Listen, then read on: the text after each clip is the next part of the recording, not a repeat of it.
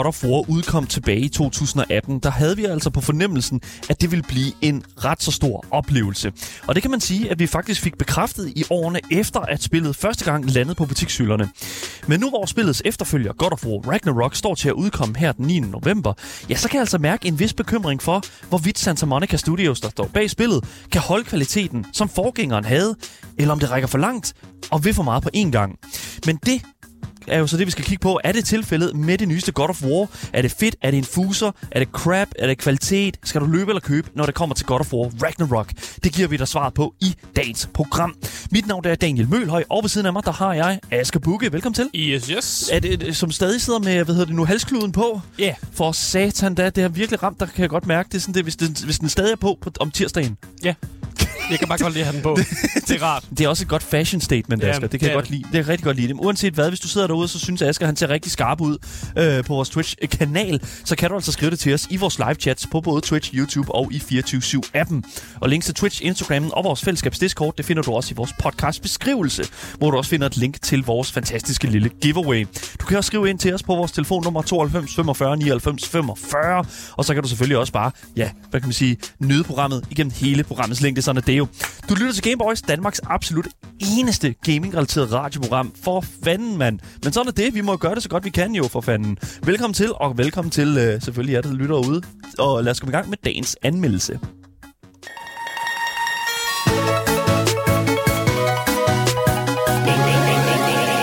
Gameboys.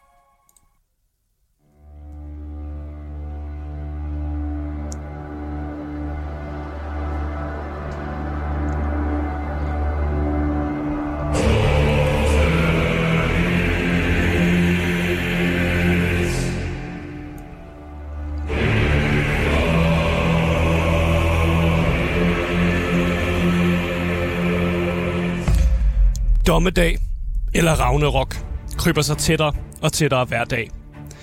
Men hvad gør man for at forhindre dommedag? Og kan der overhovedet gøres noget ved noget, der er profiteret til at ske? Hovedpersonen i spillet, vi skal snakke om i dag, Kratos, kunne mest af alt tænke sig at slappe af i sin hytte. Men når skæbnen banker på døren en dag, så bliver man nødt til ligesom at svare og tage stilling til netop Ragnarok. Går man mod det med åbne arme, eller modsiger man sig det? Spillet, vi skal anmelde i dag, er nemlig God of War Ragnarok.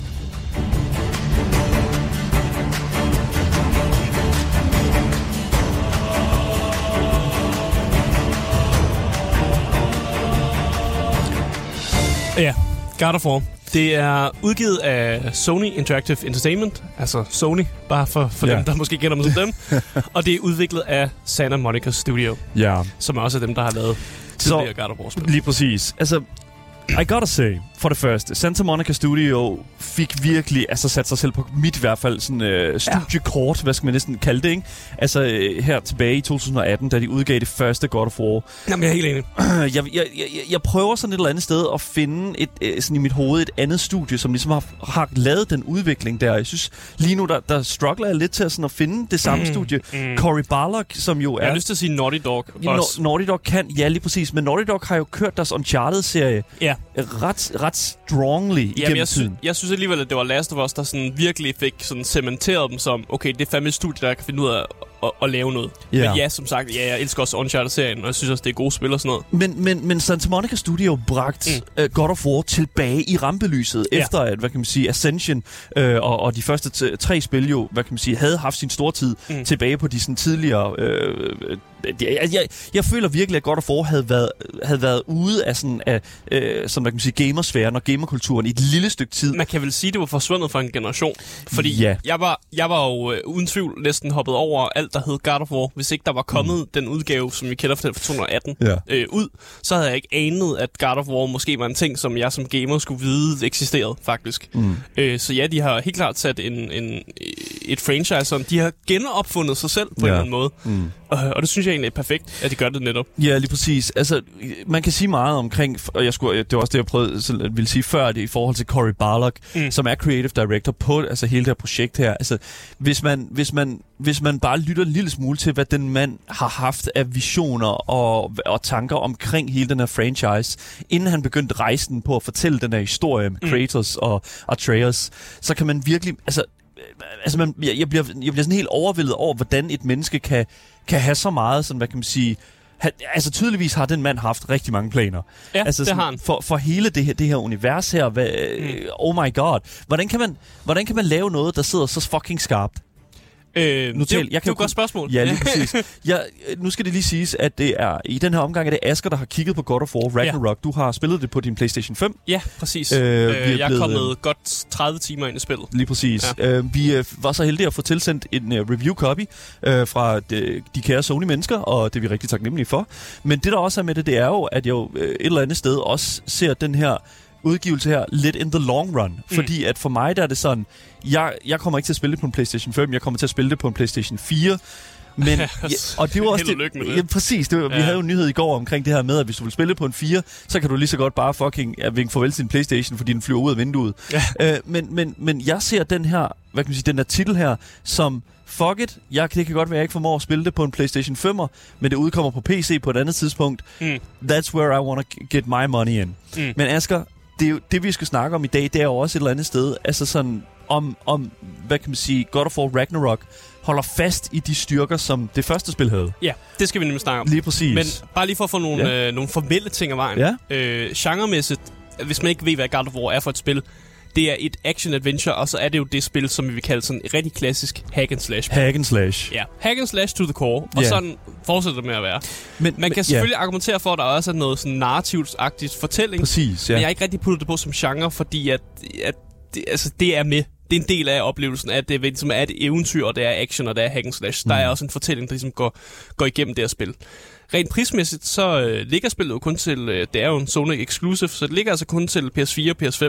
Der er en prisforskel, som der, vi har set flere gange, på PS4'en, der ligger det til 519 kroner, og til PS5'eren ligger det til 594 kroner. Ja, det er jo, sådan, det er meget normalt. Det er jo meget normalt ja. prisleje, det her. Jeg vil også sige et eller andet sted, at det, er, at det som sådan heller ikke en, en, et stort problem, det her prisleje, føler jeg faktisk. Ej, det er ikke 700 kroner. Den, well, det er jo det, ikke? Altså, man kan endnu. jo sige endnu. Og, og, og, det, der også er med det, det er jo, at jeg, jeg føler, at prisforskellen, der har været meget snak om, der burde være mm. prisforskel imellem de her to, imellem de her to øh, hvad kan man sige, titler, som vi, hvad kan man sige, i, i en bund, på en bundlinje jo er det samme, hvad kan man sige, produkt. Ja, men, men jeg må faktisk sige, at her, der synes jeg faktisk, at der er en, en enorm forskel, også ja. visuelt set, hvis du kigger på nogle af de her comparison-videoer, der er blevet lavet online, der er altså en reel forskel på, om du spiller det på en 4 og en 5'er. Mm. Øh, og der synes jeg egentlig, at det giver mening, at man så gør det dyre på 5'eren. Jeg synes, det er pisse nederen for forbrugerens synspunkt, at vi skal mm. betale mere for at få en bedre oplevelse, men det giver jo mening som Ja, hvis når man sælger ting. det der er med det der, og det er også en ting, som øh, vores øh, fantastiske seer her, uh, Skiby Niels, skriver i vores Twitch-chat her, han skriver, det burde være omvendt for at få folk til at spille øh, eller købe en PlayStation 5, altså det her med prislejet. Men, Igen, ja, som forbruger, så vil jeg ønske, det også var sådan, det var. Men det ved de jo godt, at det er jo ikke sådan, at verden hænger sammen. Verden hænger sådan desværre. sammen lige nu, at øh, det der med at få fat i en PlayStation 5... Det er det, sig selv svært, det, ja. Well, det, det, er ikke, det er ikke umuligt, men det er i hvert fald mm, det er væsentligt mere kompliceret, end det er at gå ned og købe en Xbox lige nu. Ja. Øhm, for, altså, jeg kan gå ned i Elgiganten, og jeg kan få fingrene i en Xbox Series X, no problem. Den står endda på mm. hylden. Ja. Øh, lige nu der står der bare et billede af PlayStation 5'eren. Og det, altså, og, og, det, og Kommer snart hjem. That's where så, we are. Ja. Jeg kan selvfølgelig godt se pointen, at, at man vil lave en billigere pris til PlayStation 5'eren for ligesom at flytte, hvad kan man sige, den, den største sådan, øh, hvad kan man sige, gaming, øh, gaming befolkning over på den platform. Ja, man vil men, gerne flytte markedet over, men... Men, men... men lige nu der ved Sony, markedet er der bare ikke.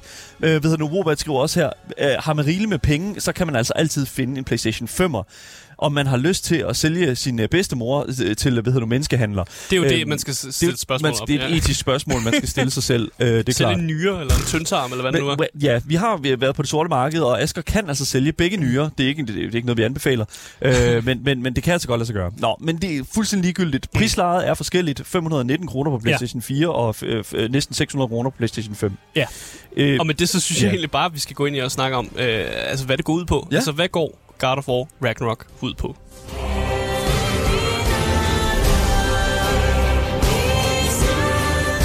Ej, jeg glæder mig til at fucking at tale om musikken. Nå, anyways, hvad ja. går du ud på, Asger? I uh, God of War Ragnarok, der spiller du som den uh, græske krigsgud Kratos. Mm. Og han har slået sig ned i det, de nordiske mytologiske riger, og mere specifikt ned i det rige, som hedder Midgård. Men han befinder sig også lidt af, i en hovedpine. Fordi i løbet af det sidste spil, øh, jeg kan allerede nu sige, der kommer til at være spoiler alert. Altså, hvis du ikke har spillet sidste spil, Ja. kæmpe spoiler. Jeg spoiler ja. hele det spil. Sådan er det bare. Jeg vil så sige, ja. Nu har jeg haft øh, fire år til at spille det spil, og hvis ikke jeg spillede det før, are you a real gamer? Who ja. cares? Nej, men det er bare, det er hele det spil bliver spoilet. Mm. Øh, fordi der er nogle vigtige ting, man skal forstå, for at de, det her spil overhovedet Ja. giver mening. Og jeg, jeg vil også lige pointere en ting, og det er, at vi kommer også til at spoile en lille smule af ja. God of War Ragnarok i dag. Det bliver ikke major spoilers. Vi skal nok give en god spoiler warning, og der kommer også en spoiler warning op på vores, hvad hedder det nu, Twitch, øh, øh, Twitch-skærm. Øh, så bare roligt, I skal nok øh, få god mulighed for at kunne mute og, og, og skibe videre og den slags. Ja, mere specifikt kommer jeg kun til at spoil øh, sådan begyndelsen af spillet. Ja. Men der sker så meget i begyndelsen af spillet, at det kan godt føles som om, jeg sidder og kommer med rigtig mange spoilerskutter. Mm. Men stol på mig, det jeg snakker om, det sker i løbet af de første timer af spillet. Yes. Øh, det er næsten, du kommer ud af tutorialområdet, så sker der ting. Ja. Altså, det, sådan, sådan er det bare. Ja. Øh, og jeg bliver nødt til at sige det, fordi ellers så... Ellers så har jeg ikke rigtig noget at snakke om. Fordi ellers, hvordan skal jeg forklare, hvad, hvad narrativet er, og sådan ting, der foregår i spillet, ja. hvis jeg ikke engang kan snakke om nogle af de første ting, der sker, selvom de er store, og det er de. Mm. Mm. Nu har jeg fået dem med. Nu Ja. er det sagt. Så lad os bare komme tilbage i det. Ja. I løbet af det sidste spil, der har man slået en del guder ihjel med sin søn Atreus. Det er jo en far-søn oplevelse Ja. at slå guder ihjel.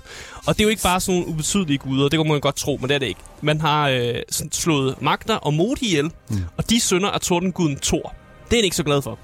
Så har man også slået Balder ihjel, der er søn af Freja.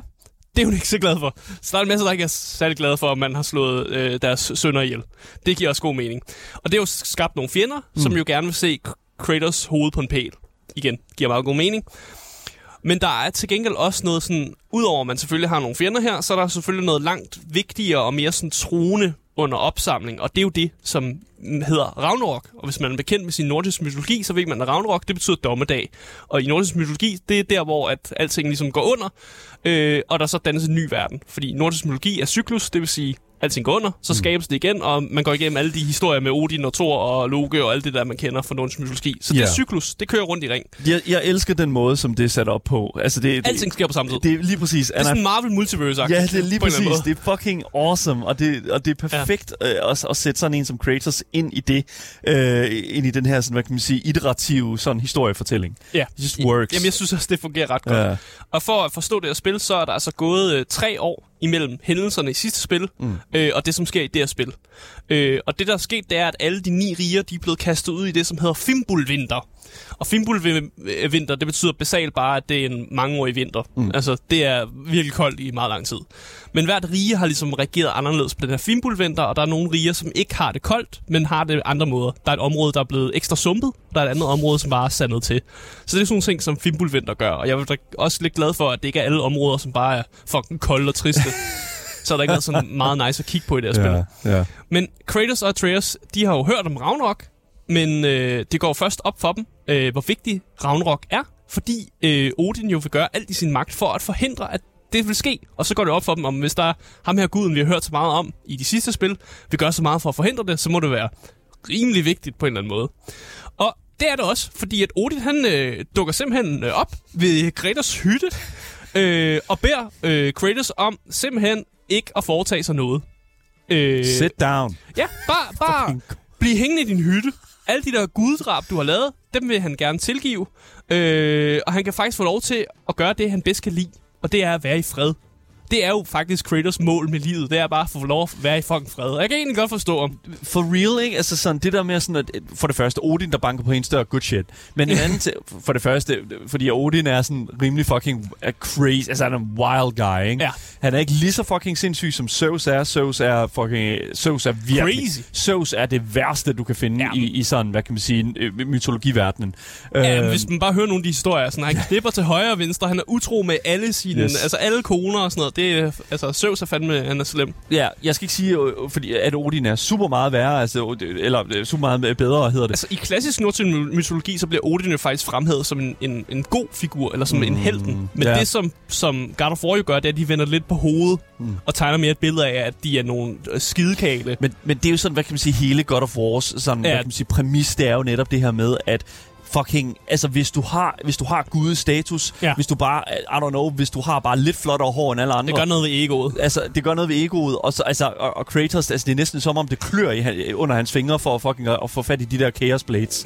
altså, men, men igen, det er jo, jeg, jeg elsker præmissen, at der bliver banket på døren, det er ligesom i etteren, den Ja. gang er det bare Odin, det er the big guy, og han fortæller vidderligt, prøv at høre, sæt dig ned.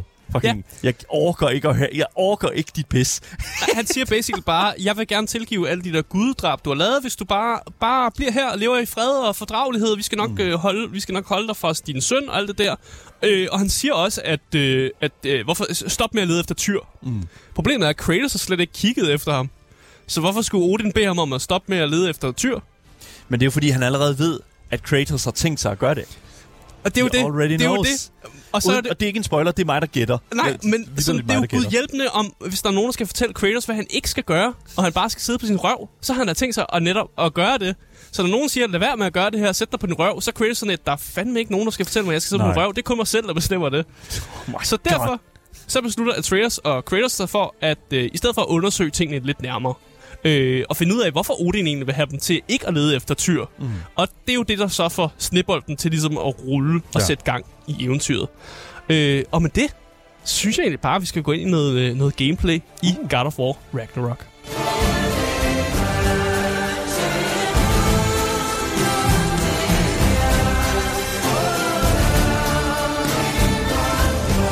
Jeg håber ikke, du føler dig for spoilet allerede.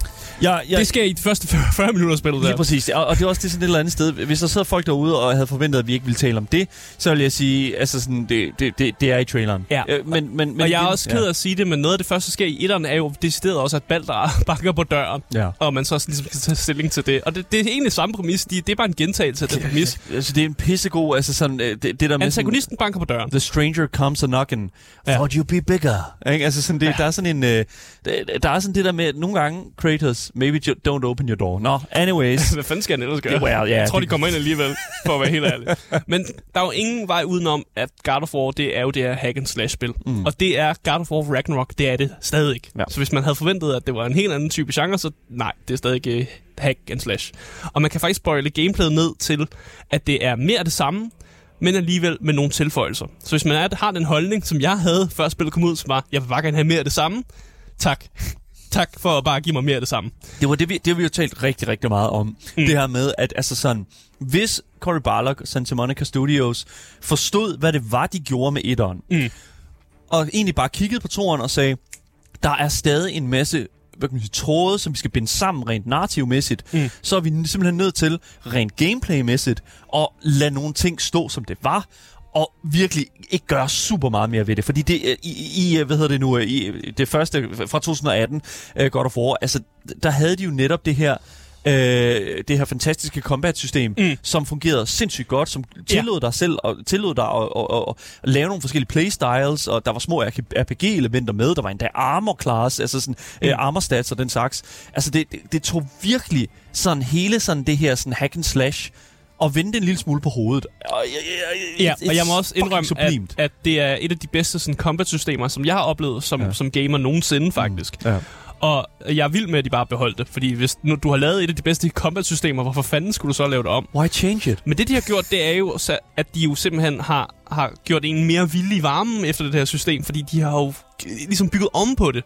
Og de har beholdt alt det, der fungerede, mm. og så bare tilføjet ekstra ting, selvom de jo teknisk set stadig er de samme knapper, og det er de samme ting, man kan gøre på de forskellige knapper. Det er bare lige, der er bare lige lidt, lidt mere på, og man kan lige lidt mere. Fordi der er jo et, et vis antal knapper på sin PlayStation Controller, det ved vi godt. Ja. Og her er der jo ikke, der er ikke sket et kæmpe shake-off. Det er stadig X, det er der, du dodger og ruller. Du har din firkant, det er jeg kalder Atreus-knappen. Det er der, hvor man får ham til Shoot at gøre... arrow. Ja, det er ham. Go, yes. Han gør ting på firkant. Yeah. Så har man R1 og R2, som er din light attacks, din heavy attacks. Så har du L1, som er tæt dit skjold frem. Det er meget godt at gøre, hvis man vil lave nogle parries.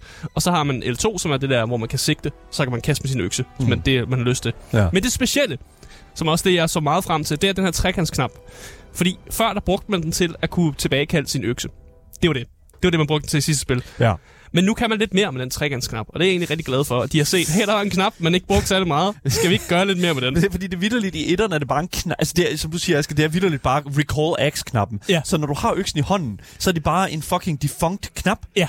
så er den der bare. Så bruger man ikke til noget. Fucking dumt. Så de har simpelthen set, det kan vi, det kan vi bruge til noget. Ja. Så det, man kan i God of War Ragnarok, det er, at hvis man har øksen i hånden, så kan man charge den med noget frost. Og hvis man har de her Chaos Blades, som man får begge våben fra starten af, der er ikke noget, hvor man skal opdage det ene eller andet. Man har begge fra starten af, og man kan faktisk vælge rent playstyle-mæssigt, hvad man egentlig er mest til. Om man er mest til Chaos Blades eller mest til økse. Jeg er mest til økse, mm. men jeg kan godt forstå, hvorfor man er mest til Chaos Blade. Sure. Og der bliver ikke sådan rigtig differentieret mellem, hvad man har mest lyst til. Det er bare, hvad kan du bedst lide? Hvad er dit weapon of choice? Og, Ja. det, og det er en frihed, som jeg tror et eller andet sted har betydet rigtig meget for Santa Monica Studios, fordi at der er mange, som for første gang stiftede bekendtskab med God of War øh, i, i, det, i det spil, som blev udgivet i 2018. Og her er The Leviathan Axe, altså Ja. sådan en, en, en, hvad kan man sige, større play. Så jeg tror, at mange til at starte med tænkte, fuck man, this is the best, fuck, this is so iconic. Ja. Men der er også de diehard fans af de første tre spil. Nu nævner jeg ikke Ascension, fordi det who, who cares. Men det der er med det, det er, at de tre første spil, der er det The Chaos Blades, som bare er, mm. this is the iconic weapon. Så er fedt, at de har sådan besluttet sig for, fuck it, der er bare ingen forskel. Det er din playstyle, og det er sådan, du kan lide at spille spillet. Ja, og hvis man er meget avanceret, kan man da lave nogle komboer, hvor man skifter mellem våbne. Uh. Sådan, hvis du, så avanceret var jeg ikke, men man kan, der, er de ligger op til det. Og, De får, de får fucking store problemer med at, for, og, med at lave gameplay til det næste spil. men som sagt, man kan trekant, der kan man charge sin økse med frost, eller sin chaos blades kan man charge med sådan noget ild. Ja. Øh, og det gør jo så, at når man charger dem, så kan man lave nogle ekstra sådan special angreb. Så de normale light og heavy attacks, de bliver nogle lidt andre type angreb. Og det synes jeg egentlig er fedt nok, at man så kan tage det der chance med, okay, jeg bruger lige lidt tid på at charge min våben op, og så kan jeg lave et eller andet specielt angreb. Fordi det er jo noget, hvor man er i combat, og man, man føler, man har tid til det. Ja. Fordi mens man charger et eller andet, så kan det godt være, at der er et eller andet monster, der beslutter for at gribe, og så, eller angribe, og så bliver man nødt til at jo ligesom enten Sure. parere, eller prøve at se, om man kan nå at få et angreb ind, et special angreb. Mm. Jeg er også rigtig glad for, at de har taget et kig på det her skjold, og har tænkt, her kan vi lave nogle, nogle ting om. For i løbet af spillet, så kan man øh, crafte og samle forskellige skjolde op, øh, så man kan skifte mellem og finde ud af, hvad der passer bedst til ens playstyle. Og alle de her skjolde, de er forskellige, og de kan dermed nogle sådan forskellige ting. Der er for eksempel, nu kommer nogle eksempler på nogle type skjolde, der kan være. Der er store tower shields. De er rigtig gode til, hvis man bare godt kan lide at holde sin defend-knap nede. Mm. Og så kan man tage en masse hits, som med et normalt skjold, at der skulle du måske have et perfect parry, eller simpelthen bare dodge det. I stedet for kan man bare holde defend-knappen nede og bare tage hitsene. Så er der nogle små skjolde.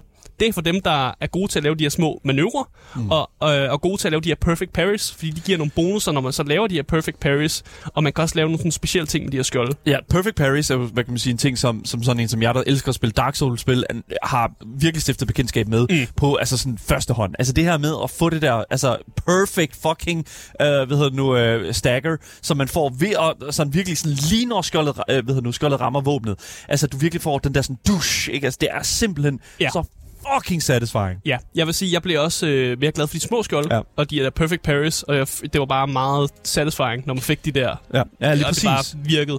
Og jeg var enormt øh, glad for, at spillet som sådan ikke sådan rigtig favoriserer nogen måde at spille på, netop med våbne, men heller ikke med skjoldene. Mm. Altså, du kan selv vælge, om du vil have det store skjold og stå og parry. Og jeg blev faktisk også glad for et, øh, et skjold, som er sådan et skjold, jeg kunne tage op, og så kan jeg sådan løbe rundt med det. Det havde god mobility, men var Ja. ikke langsom med det. Man kunne løbe rundt med det, så kan man charge skjoldet op, og så kan du lave sådan en duf med skjoldet, som jeg blev glad for. Og det er sådan nogle, de, det er lige pludselig set, at skjoldet var sådan, Ej, det er sgu lidt kedeligt, det er bare det samme runde skjold, og man kan, i det første spil kan man også lave perfect parry og sådan noget. Men de ting, man skal kunne nogle andre ting. Der er nogle skjolde, der gør, at du kan charge frem. Der er nogle skjolde, der gør, simpelthen gør, at, at din playstyle bliver lidt anderledes. Jeg, jeg synes, det er godt set. Og den der øh, L, L1-knap, man kan bruge på, man kan også lave sådan nogle skjolde pushes, at de kan noget andet i forhold til det skjold, du har. Hvis du Ja. har et større skjold, så gør det noget andet, end hvis du har et mindre skjold. Det synes jeg er øh, super godt Ja. tænkt. Ja. Og bare en, en hatten af for at, at tage noget, som jeg ikke vidste, jeg havde brug for, og så gøre det bedre. Fair enough. Og det er en ting, vi kommer til at se igen, at jeg bliver ved med at komplimentere dem for ting, jeg ikke vidste, jeg havde brug for. Det bliver givet til mig. Tak for det. Men man bliver også øh, gradvist introduceret til øh, en masse ting, øh, som ligesom kan skrue, man kan skrue på. Jeg ved ikke rigtig, hvordan jeg skal forklare det. Man kan skrue på nogle ting rent gearmæssigt. Øh, og det er en masse nye ting, så jeg vil ikke gå for meget i dybden med dem, men det er noget, som kan komplementere din spillestil. Øh, noget, som for eksempel kan give dig mere strength, det kan give dig mere defense, hvis det er den vej, du går i. Det kan give dig mere lock, mere cooldown. Det gør nogle forskellige ting. Okay, Men så, det, det er mere, okay. okay. man skal, du skal mere se det som gearmæssige ting, som ligesom kan, kan, kan hjælpe dig lidt på vej. Jeg ved ikke, hvordan jeg ellers skal forklare det. Jeg vil ikke ryste lidt på hovedet, nej, men det er fordi, jeg vil ikke, jeg vil nej, ikke gå for meget dybden med det. Det forstår jeg godt, men, men, men for mig lyder det jo lidt som om, at, det, at, det, at de går dybere ned i de her RPG-elementer. Jamen, det... At de tager et lidt skridt nærmere en... en, en ja. nu, nu, altså RPG-elementer, jeg ved godt, at det er løst betegnet, fordi et RPG-elementer er i dag ikke hvad kan sige, myndet på, at det kun er et RPG-spil. Mm. Øh, jeg vil sige, det her spil her er jo ikke som sådan et RPG-spil. Det er Nej. væsentligt mere altså en hack and slash og en, hvad kan man sige, en, en, et, et drama nærmest, hvis man skal kalde det på ja. den måde. Ikke? Ja drama. Men, men, men altså, jeg, et eller andet sted, så synes jeg, altså som den World of Warcraft-spiller, som jeg er, og som også bare sådan generelt som den fantasy, øh, Final Fantasy-fan, jeg er, så kan jeg faktisk godt lide, at, at, at de har sagt, okay, det her det var faktisk en ting, som folk virkelig elskede i det første spil. Mm nu gør vi rent faktisk noget ud af at lave det en lille smule mere detaljeret. Ja, og skrue lidt mere på det. Yes, lige præcis. Man får også kastet mange flere af de her special attacks, man kan putte ind i sin våben mm. øh, efter sig. Det er noget, man samler op i løbet af etteren, men her der får man kastet en masse i starten, så man selv kan vælge, hvad skal mit special angreb være med min økse, okay. hvad skal det være med min chaos blades og sådan noget der. Man får mange flere af dem, og, og der er ikke nogen...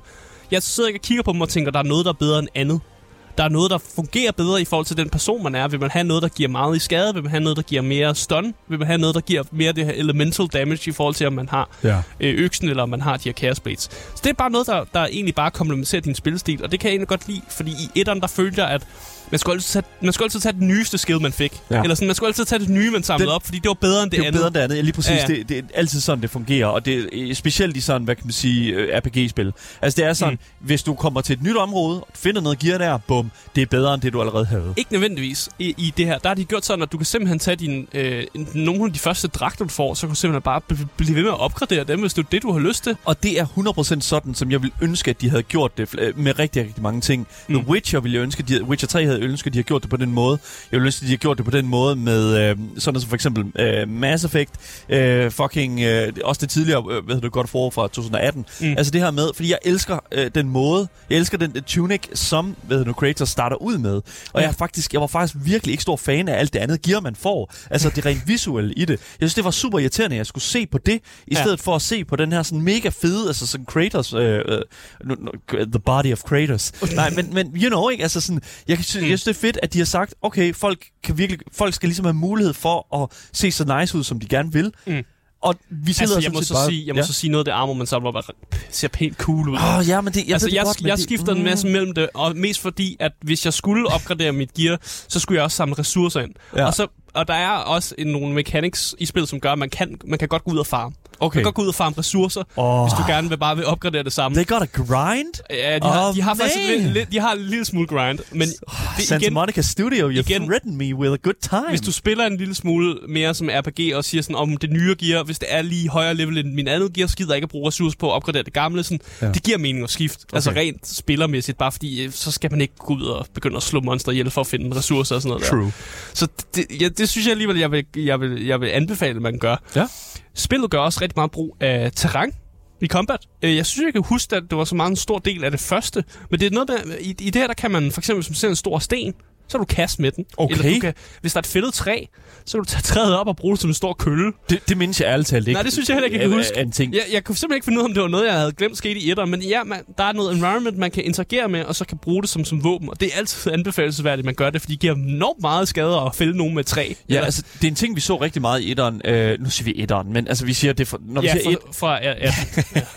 når vi siger etteren, så mener vi selvfølgelig fra 2018. Men ja. det der er med det, det er jo, at, at, at det, det var ting, som jeg føler var reserveret til cutscenes. Boss battles. Boss battles eller cutscenes ja, ja. og den slags der. Ja, ja. Og, og det, det, det er et eller andet sted, så synes jeg, det er sådan, det tager, det tager faktisk lidt en, øh, en, en side ud af mange af de her sådan, hvad kan man sige, fighting games, øh, hvad hedder mm. nu, fighting games, ikke? Altså det her med sådan, at du kan bruge noget af det her environment til at, ligesom at kaste på, på nogen. Jeg tror, hvad hedder det nu, uh, Inhuman, uh, hvad hedder det nu, God Among Us, eller sådan de her sådan, uh, ja. uh, hvad hedder du, DC fighting games, hvor du sådan kan kaste folk op i et fly, der hænger op i loftet og sådan noget.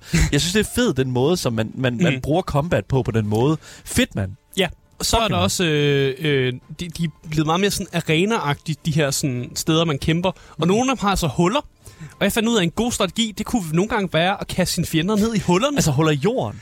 Øh, jeg ved ikke, ja, ja. Altså, nogle gange er der bare huller ud til en afgrund eller et eller andet. Det behøver ikke være huller i jorden, bare en afgrund, eller okay. sådan environmentmæssigt, så er der noget, der går ud over noget andet. Du er højt op på et sted eller sådan noget. Ja.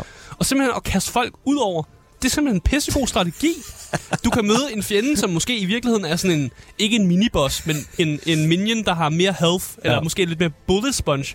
Og så lave et angreb, som kaster dem afsted, og så dræbe dem instant, fordi de bare røg ud over en klippe.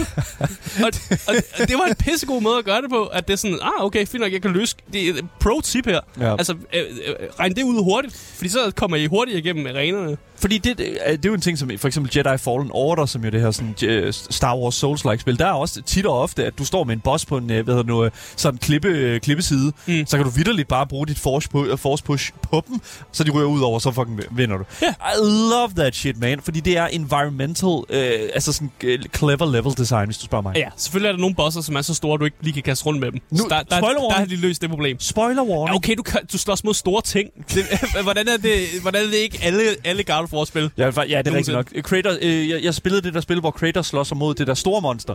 Ja, Which one is it? Vi ved det ikke. Okay, Præcis. nok. flere store monstre. Men de arenaer, eller sådan, jeg vil ikke kalde det combat-zoner, der er i spillet. Ja. de har også sådan flere lag til sig. Og jeg føler, at jeg har brugt ret lang tid på at nogle gange kravle rundt og op på sådan en platform for at få sådan, kunne lave sådan et uh, death from above angreb. Ja. Og det føler jeg egentlig er meget sjovt, at jeg, jeg på den måde kan rende rundt i flere lag. For jeg kan altid huske, det var pisse irriterende, hvis der stod en eller anden enemy et eller andet sted og skød efter dig.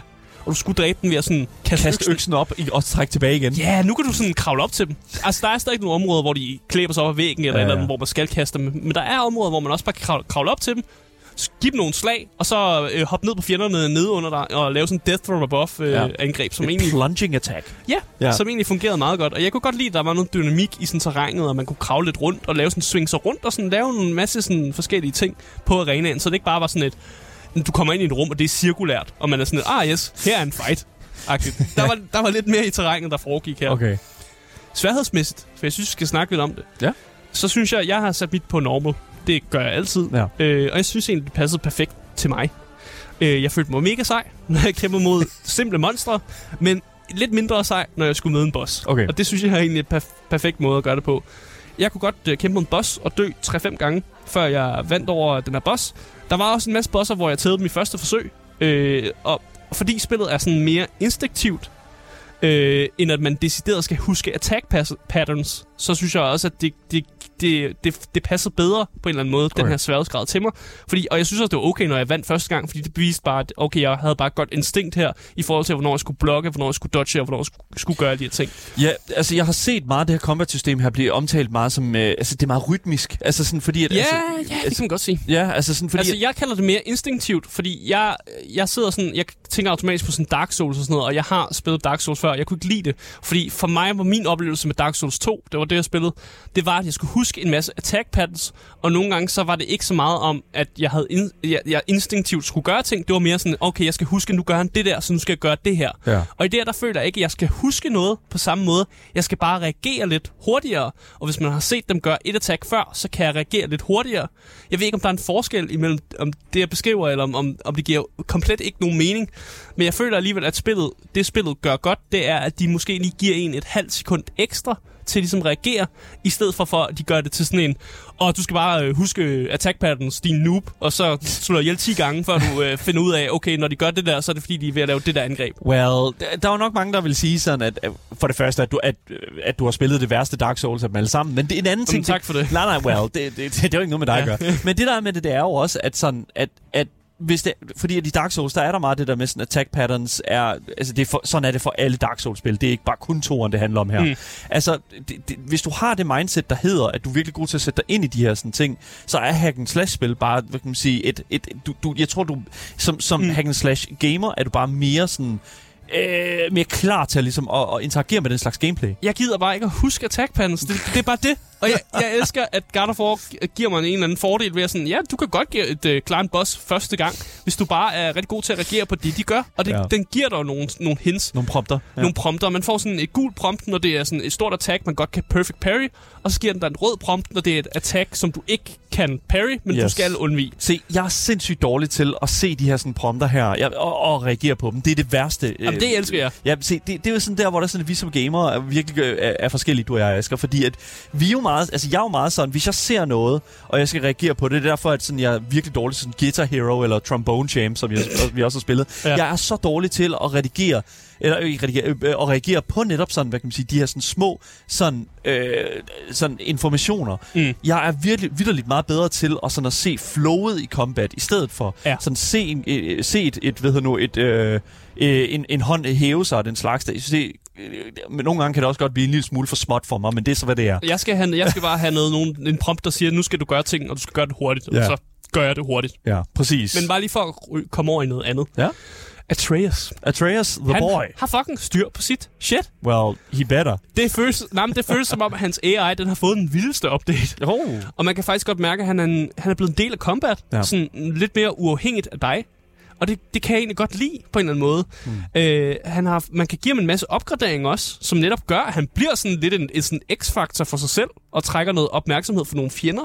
Og jeg tror også godt, at hvis jeg havde lyst til det, så kunne jeg nok godt løbe rundt på en eller anden arena, og bare se Atreus banke fjenderne, mens jeg løb rundt. Altså Okay. selvfølgelig, det vil tage tid. Det vil ikke være det fede at gøre.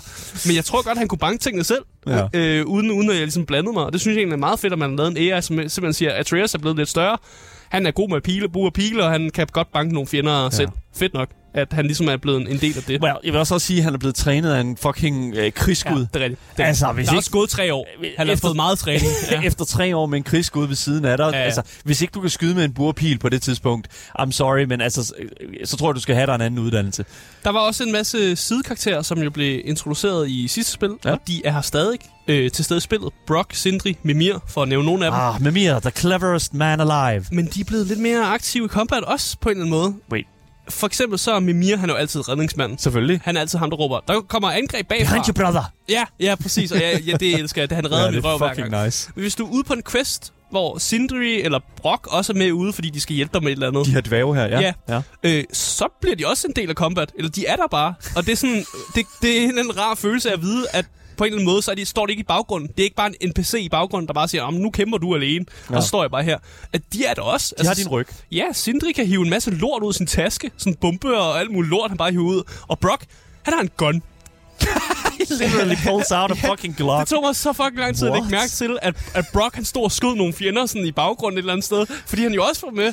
Det er jo, jeg forestiller mig, at Brock står med en fucking Desert Eagle eller sådan et eller Nej, andet. det Står har han ikke. Han står, det, sådan, det ser lidt mærkeligt ud, for jeg kan ikke finde ud af, om, om han laver gun med sådan, sine tools, eller hvad der egentlig gør. Han laver den her eksplosion eller sådan noget, eller han slår dem sammen eller Ja. sådan noget. Det ligner bare en gun. ja, Så derfor jeg kalder den bare en gun. selvfølgelig. Så er jeg også meget, jeg er meget bekendt med videospilsmekanikker, Ja, det, og er, måden, det, man, det er du jo. man signalerer ting på. Mm. Så når man kommer ind til et stort åbent område øh, med en masse liv, inden du går ind, så betyder det, at der er en bossbattle på vej. Of course, det er jo whatever. Det er jo Men- sådan, det er jo. spillet tog fandme røven på mig. Fordi der var steder, hvor jeg ikke anede, at, øh, at der ville være en boss battle, og så blev man hævet ind i en boss battle. Ja. Og det vidste jeg ikke, jeg havde brug for som spiller. Lige at blive overrasket en gang imellem. Øh, og det synes jeg egentlig bare var rart, at når, det var på et tidspunkt, hvor man ikke lige forventede det. Øh, så kommer der lige pludselig et monster ud af ingenting, og så var man sådan, okay, fedt, nu er der boss battle. Ja. men, det, men det synes jeg jo et eller andet sted også er fucking fedt, fordi det er sådan, at, at man skulle tænke sig sådan et, et, et hack and slash spil, som der er, Mm. som det her er jo et eller andet sted, så er det jo et eller andet sted øh, er lidt en overraskelse, at de kan finde ud af at, at, at, at innovere også en lille smule. Ja. Tage røven på os. Ja. Ja, præcis. Øh, man holder også fast i, at øh, God of War stadig er et open world-spil, eller i hvert fald prøver at lave de her open world-elementer. Og det nyeste er, at det nok er blevet lidt mere open world. Der er mulighed for, at vi har nævnt, det, at man kan farme lidt ressourcer, Ja. og når man sejler rundt eller udforsker ting, så dukker nogle sidequests op, man ikke havde set før. Mm. Man har selvfølgelig altid lidt sidequests, men der er nogen, der bare dukker op midt i det hele, hvis du udforsker lidt. Igen, jeg vil ikke snakke så meget om puzzles. Nej, watch out, dude. Der er øh, rigtig mange puzzles i spillet. Ja. Øh, øh, og det eneste, jeg har at sige om det, det er, at jeg er glad for, at Atreus han nogle gange kommer med nogle hints. Fordi jeg puzzles og siger, hvorfor gør du Poor ikke bare guy. det? Ja, Okay, ja enough. præcis. Jeg, synes, det, det, jeg kan ikke helt forstå, hvorfor man har det i God of War, men det, det, Det skal de jo en de er platformer også, dude. Ja, de er der for at slå spillet ned og sådan noget, og så Ja. man ikke har, for det der attack-fysik og sådan noget med, at man hele tiden er i combat og sådan noget. ting der. Actionfysik. Ja, lige præcis. Men jeg synes, vi kan komme ud af gameplayet, så vi også har tid til at snakke lidt om uh, narrativ i God of War Ragnarok. Lige præcis. Lad os, øh, lad os øh, gå videre til det, når, hvad hedder det nu? Øh, øh, lad os bare gå videre til det med, med, med det samme. Skal vi gøre det? Yes. Yes. Fordi narrativet er ikke øh, bange for, at du kræver... Øh, altså, narrativet kræver, at du har ved, hvad der er foregået i det første spil. Ja. Og det lidt, kan være lidt irriterende for... Jeg, tror, det er rigtig irriterende for folk, der gerne vil spille det spil, uden at have spillet det for, den foregående. For det kan du ikke rigtigt. Nej. Og narrativsmæssigt, så er tingene heller ikke så sort og hvide, som det er i det første spil. Fordi i det første spil, der var det klare mål, at man skulle sprede aske fra den største højdetop. Mm. Det var sådan, det var målet. Det, det vidste vi alle sammen. I det her spil, der står vi over for en, en sådan lidt en ny måde at fortælle en historie på. Og noget af det udspringer fra, øh, fra ting, der faktisk er sket i tidligere spil. Det der med, at du har mødt nogle guder, Atreus som finder ud, spoiler for sidste spil også, Atreus finder ud af, at han er Loke, Yes. øh, og han har en del gudekræfter. Og Kratos ser også et vægmaleri til sidst. Øh, mens, mens at Atreus finder ud af, at han er Loki, så ser øh, Kratos også et vægmaleri, der ligner ham, der ligger død et eller andet sted. Prøv at forestille dig, at du kommer gående ind på kommunen en dag. Øh, I don't know, bare whatever. Du, du, kommer ind, og så ser du bare en fucking billede af dig, der hænger på væggen, og hvor du bare ligger med, og, der, og alle dine indvolde er bare sprættet op og ligger ude på gulvet. What the f- Nå, okay. Oh, let's go, dude. Men meget af det her narrativ, det kan koges ned til det, jeg kalder sådan profeti-paradokset, som er noget, at old school God of War-fans allerede har set Kratos kæmpe med. Mm. Øh, altså, for helvede, Kratos han har rejst i tiden for at forhindre ting i tidligere spil. Altså, han er ikke bange for at gøre ting for at forhindre profetier til at gå i opfyldelse. Kan vi lige prøve lige to Jamen, det her, han har rejst i tiden. Okay, I gotta say, at vi ser også noget gameplay lige nu. Bare sådan, du kæmper mod en bjørn. Kratos, okay, du kæmper mod, Kratos kæmper mod en bjørn i det her gameplay her. Bjørn hedder Bjørn. det er simpelthen det er en bjørn for helvede. Der står bare Bjørn. Oh, anyways, det var...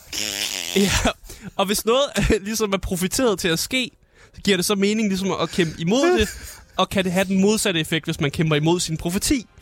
Ja. Og i det her spil, der handler det jo om det profeterede Ragnarok. Mm. Og Kratos og Atreus, de prøver ligesom igennem spillet at finde ud af, hvad deres rolle er i det. Skal de, sådan, skal de speed op og tilskynde Ragnarok, eller skal de forhindre det? Altså, hvad, hvad laver de egentlig? Det er profeteret til at ske, men, mm. men sådan, hvad er deres rolle i Ragnarok? Og skurkemæssigt, så har vi jo Odin, som bliver tegnet op som sådan spillet skurk. Men selv det er heller ikke helt sort og hvid.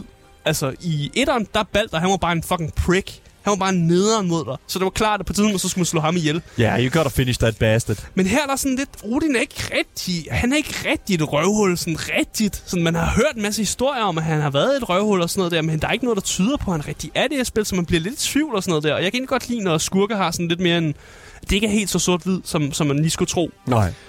Tonen i sp- i selve spillet er også øh, skiftet meget, øh, og man kan godt mærke, at Kratos og Atreus, de har lært virkelig meget af hinanden. Det gør bare spillet mere wholesome. Ja, det, det, det, det, det er den dynamik, som man kan sige, som de...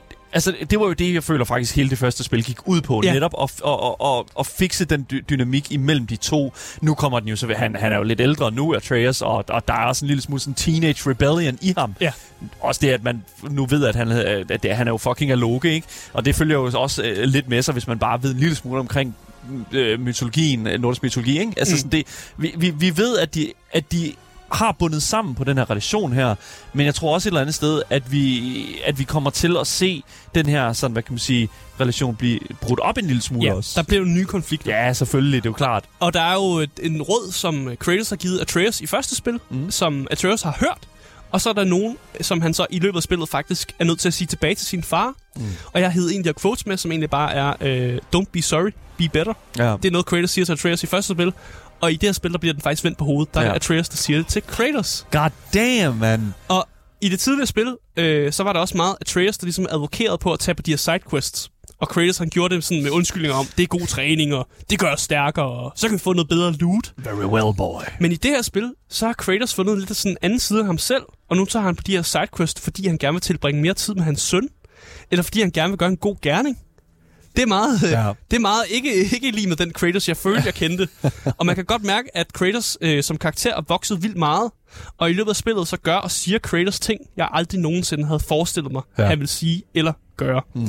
Men det ødelægger ikke karakteren. Det er der nogen, der vil sige, hvis en karakter siger noget, de aldrig vil sige før, så det ødelægger det karakteren. Jeg vil næsten sige tværtimod. Mm. Jeg vil faktisk sige, at det er enormt, der, altså, der er enormt meget at lære om, ja. hvad det vil sige at være sådan en god far i de moderne tider for Kratos faktisk. Så det vil sige, der er, der er en, en, en eller anden læring for folk, der måske øh, har en teenage-søn, eller har en, en, en søn på samme alder som Atreus, der faktisk kan lære det der spil. Det er virkelig super mærkeligt at sige, for jeg har ikke, jeg har ikke børn, så jeg, jeg aner det ikke. Og så vil jeg sige, at Atreus er altså heller ikke den lille irriterende barn for tidligere spil længere. Øh, og det er jo noget, at, at vi havde brug for, at han var i etteren, for at han netop kunne være der, hvor han er nu. At han kunne gro og ind i den rolle, han har i det her spil. Og det er jeg egentlig meget glad for, at de kunne godt se, okay, du som spiller skal altså lige være irriteret over Atreus i etteren, før at det, du, der er et payoff i toeren. Okay. Det synes jeg egentlig er godt set på en eller anden måde. Mm. Og jeg vil også sige, at narrativet har taget en, en lidt mere sådan humoristisk drejning. Øh, og jeg vil da godt nok sige, at Kratos fik mig til at skraldgrine en del. Selvom han stadig er storisk og sådan deadpan i Ja. alting, han gør. Ja. Men alligevel så var der bare nogle, nogle sådan situationer, hvor jeg var sådan lidt, "Wow," hvor jeg bare helvede, skraldgrinede over ham, fordi han, han tager alting så seriøst jo. Ja. Og nogle gange så det, at man tager alting så seriøst og leverer det på den der deadpan måde, det er bare den der sådan, ha, det var, det var sgu egentlig meget sjovt sagt. Du, du ved engang selv, at du er sjov. Ja. Øh, og ja, det skal man bare lige have med. at Det er lidt mere humoristisk, det er lidt mere wholesome, end de andre spil er. Øh, og Kratos er blevet lidt, lidt mere loose. Uh. Sådan, hans skuldre de er sænket lidt mere på en eller anden Mm. måde. Men så han er stadig den samme person, og det giver mening, hvorfor han er lidt mere loose. Ja. Og, og med det, så synes jeg, at vi skal gå over og snakke lidt om øh, visuel og lyden i God of War Ragnarok.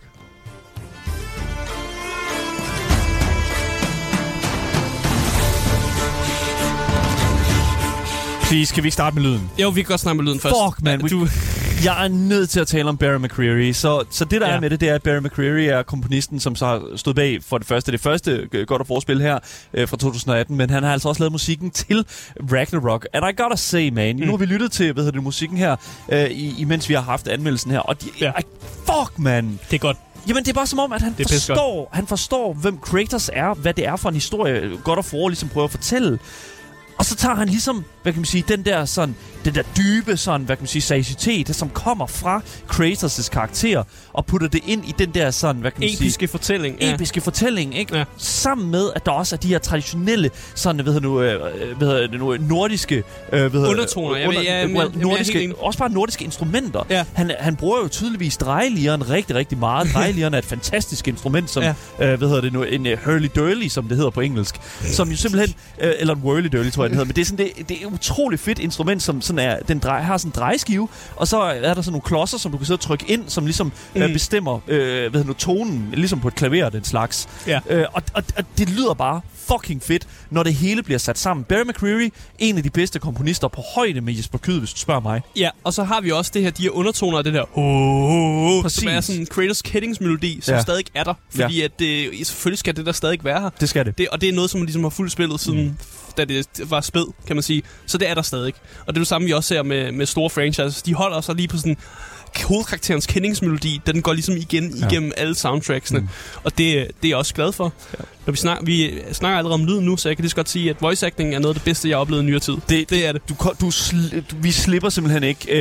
Øh, altså, Kæmpe hvor- respekt ja. ja. til Christopher Judge, Ja. ja. som ham, der lægger stemmen til, øh, stemme til Kratos. Øh, han går flere følelser igennem i det her spil, og det synes jeg, at det må have været en kæmpe udfordring, hvordan man kan levere linjer storisk og som Kratos, men stadig med lidt med, med følelser i. Ja. Fordi hvordan fanden, hvordan, hvordan, hvordan gør man det med en karakter, som, som jo kan beskrives med en følelse? Ja, altså sådan på storisk og sådan altid deadpan. Ja, altså det der er med det, det er jo, at Christopher Judge, og altså hvis man ser behind the scenes videoerne omkring det første God of War, han, øh, han, hvor han lagde stemme til Kratos, Mm. så er det tydeligt at se, at han tog rigtig meget af sit eget liv med ind i den her rolle her. Altså mm. Netop det her med at være far, det her med at fejle som far. Øh, der er en øh, fantastisk øh, hvad YouTube-video, hvor han, øh, hvor han ligesom taler omkring det her med at lave den scene, hvor Kratos går tilbage for ligesom at finde, de, tage, altså t- at bruge de her øh, øh, Chaos Blades igen, mm. øh, hvor han jo sidder, han sidder og græder i interviewet, ikke? Hvor, mm. han, hvor man virkelig kan mærke, at det tynger ham, eller det virkelig, det, det har en impact på ham, mm. Og har lavet den her scene her. Og jo, igen, altså sådan, hvis, når man ser det i, i karakteren med Kratos, altså, jeg synes virkelig, det er vildt at, og, og sådan, at, at se gå tilbage i de sådan, første tre God of War-spil, ja. Se den, hvad kan man sige, se den sådan performance, og så se nu, hvor langt den her sådan, karakter er kommet. Ja, og, hvor, hvor, Oh hvordan man God, kan høre mand. det i stemmeskuespillet også. Åh, oh, for helvede, mand. Jeg vil også sige, øh, jeg er også blevet glad for det, jeg kalder ensemblecastet. Ja. Altså alle de andre karakterer omkring ja. Kratos. Ja. Og de er også blevet meget bedre. Sådan, voice acting er blevet virkelig god. og jeg, jeg vidste ikke, jeg skulle sige det, men Mimir er for, altså, klarer det pisse godt. Okay, got, men det gjorde han også i det første. Det gør han også, men, Come men der er andre følelser på spil her. Ja, okay. I etteren, der er han altid sådan kæk, og har en kæk kommentar, og, og god til at fortælle historier og sådan noget. Der er nogle lidt andre følelser på spil her, og man dykker også lidt ned i noget med mere fortid, som Okay. faktisk gør, at der, der, der er noget anderledes. Selvom det, han er kun er et hoved, Ja, på, jeg- der sidder fast på Jeg, Kratos. jeg er nødt til at sige, der er sådan en, en, en replik fra det første spil øh, med Mia, han siger på et tidspunkt, I'm dangling from the bloody hip of the ghost of Sparta. Ja. Yes, det, Ja, det, det, det, det, han er sådan- kæk. Ja, men lige præcis. Og det er den der sådan, hvad kan man sige, delivery, som jeg synes for det første gjorde det første spil så så væsentligt dybere, end man troede. Fordi for det første, han var absolut hele Ja, ja. grunden til, at, at man ville sejle rundt i de der både der. Ja, der sgu nok ikke været så meget samtale, fordi at Kratos er jo ikke øh, just kendt for at small talk. Nej, lige så, præcis. så det er ligesom det er Mimirs job at gøre det, men der er, er- der er meget mere dybde i ham, og jeg mm. føler virkelig, vi kommer tættere på Mimir, som jo, øh, som sagt, er bare et hoved, der hænger på Kratos, og kan ved en masse ting. Smartest man alive. Ja. Øh, jeg synes bare godt, at man har, når man har brugt de her sidekarakterer, ligesom givet dem lidt mere dybde på en eller anden måde, selvom man behøvede ikke, men man har gjort det alligevel. Lige præcis. Og det er også en, det er også en, øh, hvad kan man sige, en finish, som jeg føler, som jeg faktisk var en lille smule bange for, at de ikke ville nå at få med, fordi de holdt fast i, at de skulle have det her 2022 uh, release-vindue hos uh, Santa Monica Studios. Altså, Ja. de, de, de dobbede jo down på Nixon. Vi vælger simpelthen ikke at udskyde vores spil, selvom at, at, at vi øh, selvfølgelig er stedet ind i problemer i forhold til corona og den mm. slags der. Vi, Og Christopher Judge blev også syg, faktisk. Præcis. Også. Ja. Altså, det, er sådan, det, det, der er med det, det er, at de, holder fa- de har holdt fast i, vi skal udkomme på det her tidspunkt, mm. fordi at vi simpelthen... Øh, vi, vi, altså, og, og det er jo så derfor, Ja. ja. at jeg var bange for, at de ikke ville få det med, fordi Ja. ja. de holdt fast i det. ikke? Release-daten passer også med Blodmåne. som Okay. er, øh, hvis man Oh kender sin øh, Ragnarok, øh, nordisk mytologi, så ved man, at Ragnarok øh, indledes med en blodmåne. Så er der blodmåne i morgen. har blodmåne i morgen. Vi kigger op i morgen, selvom der er blodmåne. Anyways, det er Ja. det, vi- hvad hedder det, nu, lydmæssigt design. Visuelt, ja, visuelt, så er det bare, jeg vil bare gøre det meget kort. Det er super flot. Ja. Ja. Alting ser super flot ud, mm. og selvom det hele er lidt mere gråt og hvidt, fordi det er Ragnarok er på Fimbul vej, Vinter, ja. så er der stadig rigtig mange andre områder, man får set, som har nogle andre kendetegn, fordi den her Fimbulvinter er kommet over dem. For Ja. eksempel øh, det realm, der hedder Svartalheim, som Mhm. der, hvor dværgene bor, det er blevet lidt mere sumpet. Fordi det er det, Fimbulvinter har effekten der. Og Alfheim, der hvor elferne er, det er blevet sandet til. Så det er den effekt. Mm. Så, så alting er ikke gråt og trist. Der er også nogle andre sådan, elementer her. Og der er altid den her sådan lidt troende sådan, over sig. Netop ved, at åh, når alting er sandet til, så kan vi ikke rigtig se solen. Så der er altid det her lidt grå til sig. Men det er alligevel lidt federe, end jeg, jeg skal bare kigge på snevejr, og, og sådan, at det hele tiden er i Midgård, og det sneer hele tiden og alt det der. Det kan der være noget om. Så det er jeg meget glad for. Fedt. Øh, jeg vil sige, jeg er glad for, at jeg kunne spille det spil på en PS5'er Yep. med 60 fps.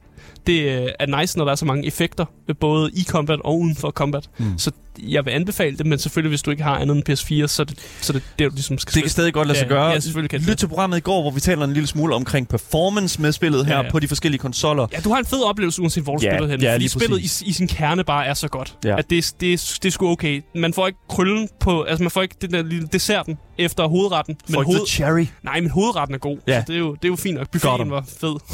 Okay, cool nok. Og jeg synes egentlig bare, at vi skal gå ind i, om det er tid til at øh, løbe eller købe, når det kommer til God of War Ragnarok.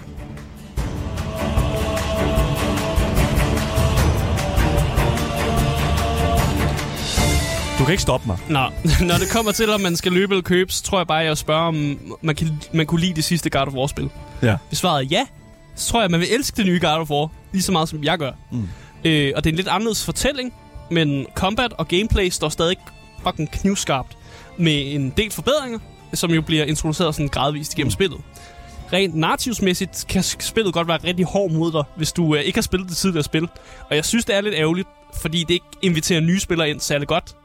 Men det er sagt, sagt igen, hvis du har spillet de andre spil, og du godt kan lide dem, så er det jo en pissegod fortælling. Ja. Så må du lige sidde og se en recap, eller i hvert fald gå ind og se en lang video, der er nogen, der ligesom fortæller alt, alt det vigtigste. Altså, spillet starter jo ud med, at de giver dig muligheden for at, at, at få Ja. en recap. Og det er ikke engang fyldskørende nok. Nå, okay, der er ikke Øh, det er det simpelthen ikke. Jamen, der bliver nødt til at sige, det er ikke fyldskørende nok. Okay. Øh, og jeg synes, at spillet er et mesterværk, og at den her AAA-pris her 594 kroner, hvis du køber det på PS5'eren, er på sin plads. Let's jeg synes, det er det værd. Go, man! Altså, det er uden tvivl kæmpe køb herfra. Yes. Det er Kæmpe et kæmpe køb. køb. Kæmpe altså, fucking køb. Jeg, jeg har det så sjovt ved at spille det spil, og jeg, jeg er trist over, at jeg er så tæt på at være færdig med det. jeg, jeg kan simpelthen ikke... Jeg, kan, ikke- jeg vil, vil gerne have det længere, og jeg, vil, jeg bliver ved med at undersøge ting, for jeg vil bare så, sådan prolong min experience med spillet.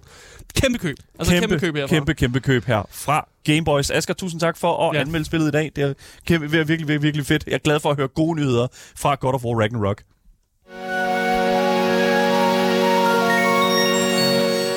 Det var alt, hvad vi havde på programmet for i dag. Ta- Tusind tak, fordi I har lyttet med. Uh, husk at følge podcasten alle steder. Uh, hvis I, I kan finde den, hvis I bare søger på det gyldne navn. Gameboys. Så misser I aldrig en nyhed, en anmeldelse, som jeg har haft i dag, og et interview nogensinde igen. Hvis I vil kontakte med os, så kan I finde informations, øh, informationslinks til at gøre det i vores podcastbeskrivelse. Mit navn er Daniel Mølhøj, og med mig i studiet har jeg haft Asger Bukke. Yep, yep. Vi er tilbage igen i morgen med meget mere gaming og meget mere Gameboys. Hej hej.